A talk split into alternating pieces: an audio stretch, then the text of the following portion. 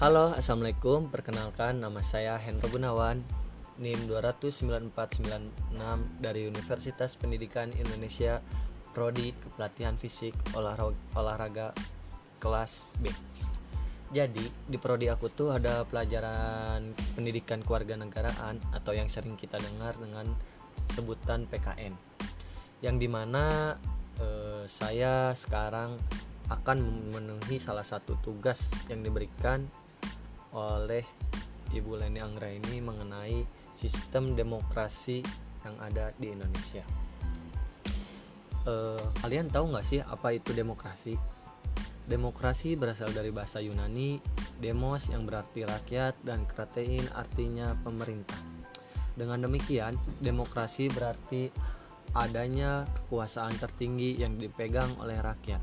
Demokrasi memberikan kesempatan perubahan agar selalu dapat menjawab persoalan masyarakat yang dari waktu ke waktu juga berubah. Budaya demokrasi merupakan salah satu penerapan dari nilai-nilai demokrasi yang menjadi jaminan bahwa perubahan dalam demokrasi tetap bertujuan mewujudkan masyarakat dan negara yang lebih demokratis. Indonesia telah mengalami beberapa perubahan sistem demokrasi dari demokrasi liberal hingga saat ini yang kita pakai saat ini yaitu demokrasi Pancasila.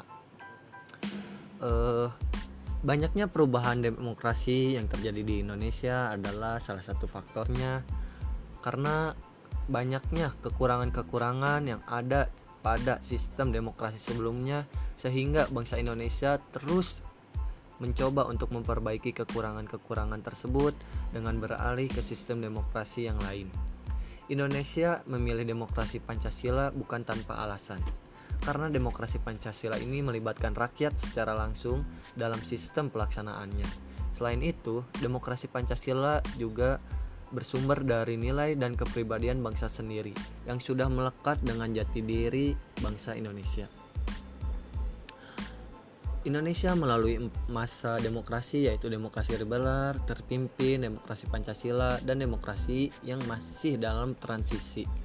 Yang pertama adalah demokrasi liberal, yang kedua adalah demokrasi terpimpin, yang ketiga adalah Pancasila, yang keempat yaitu tadi masa demokrasi percobaan. Lalu apakah demokrasi yang dianut oleh Indonesia saat ini? Yang sudah saya jelaskan sebelumnya Indonesia sekarang menganut demokrasi Pancasila. Indonesia merupakan negara demokrasi sejak awal berdirinya tanggal 17 Agustus 1945. Dalam proses kerjanya, Presiden bertanggung jawab kepada MPR. MPR merupakan badan yang dipilih oleh rakyat. Dalam hal itu berarti pemegang kekuasaan tertinggi adalah rakyat, karena pemimpinnya dipilih langsung oleh rakyat melalui pemilu pada tahun 1956 yang diadakan pemilu pertama kalinya yang ada di Indonesia. Demokrasi ini yaitu demokrasi Pancasila. Setelah usai demokrasi Pancasila ini dilanjutkan dengan demokrasi yang kedua pada tahun 2004. Indonesia berpotensi menjadi contoh negara demokrasi demokratis di kawasan Asia. Sungguh luar biasa bukan? Dikarenakan Indonesia adalah negara dengan sistem demokrasi yang sangat tinggi dan telah menciptakan stabilitas politik dan pertumbuhan ekonomi yang sangat tinggi. Selain itu juga Indonesia juga berhasil menjadi kawasan demokratis karena telah melaksanakan pemilu yang kompleks walaupun demokrasi membawa situasi kacau dan perpecahan seperti contohnya pada pergantian 4 kali presiden pada masa periode periode 1998 sampai 2002. Apakah demokrasi di Indonesia saat ini sudah berhasil, sistem demokrasi yang saat ini menurut saya sudah berhasil. Dikarenakan banyaknya atau terbuktinya e, kebebasan memilih pemimpin, melahirkan pemimpin sesuai keinginan masyarakat, sesuai dengan hati nurani, sistem demokrasi terlaksana dengan aman, serta adanya perubahan yang lebih baik. Mungkin sekian dari saya, Hendro Gunawan. Mohon maaf bila ada kesalahan. Sampai jumpa. Assalamualaikum warahmatullahi wabarakatuh.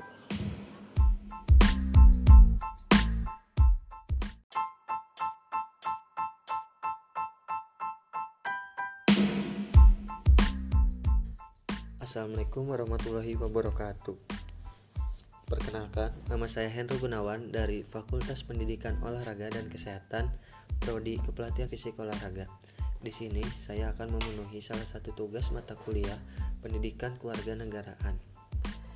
Demokrasi. Demokrasi diartikan sebagai seperangkat gagasan dan prinsip tentang gagasan serta praktik prosedurnya. Negara yang menganut sistem demokrasi ini memberikan kebebasan kepada warga negaranya dalam memberikan pendapat dan saran. Saat ini Indonesia menganut sistem demokrasi Pancasila, yang di mana sistem demokrasi Pancasila adalah suatu paham demokrasi yang bersumber pada pandangan hidup atau falsafah hidup bangsa Indonesia yang terdiri dari kepribadian rakyat Indonesia sendiri. Dari falsafah Indonesia ini kemudian timbul falsafah negara kita, negara Pancasila yang terkandung dan tersemin Undang-Undang Dasar 1944. Indonesia merupakan negara demokrasi sejak awal berdirinya pada tanggal 17 Agustus 1945. Dalam proses kerjanya, Presiden bertanggung jawab kepada MPR. MPR merupakan suatu badan yang dipilih oleh rakyat. Dalam hal ini berarti pemegang kekuasaan tertinggi adalah rakyat. Mengapa demikian? Karena pemimpinnya dipilih langsung oleh rakyat melalui pemilu pada tahun 1956 yang diadakan pemilu untuk pertama kalinya yang diselenggarakan di Indonesia.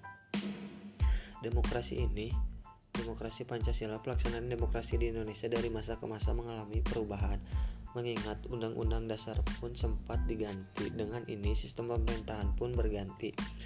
Nah, oleh karena itu, kita juga perlu menengok sistem demokrasi Indonesia yang mana awal Indonesia menggunakan demokrasi Pancasila menggunakan kabinet pre presidensial dan tahun itu juga pemerintah mengeluarkan maklumat dan mengakibatkan sistem demokrasi diganti.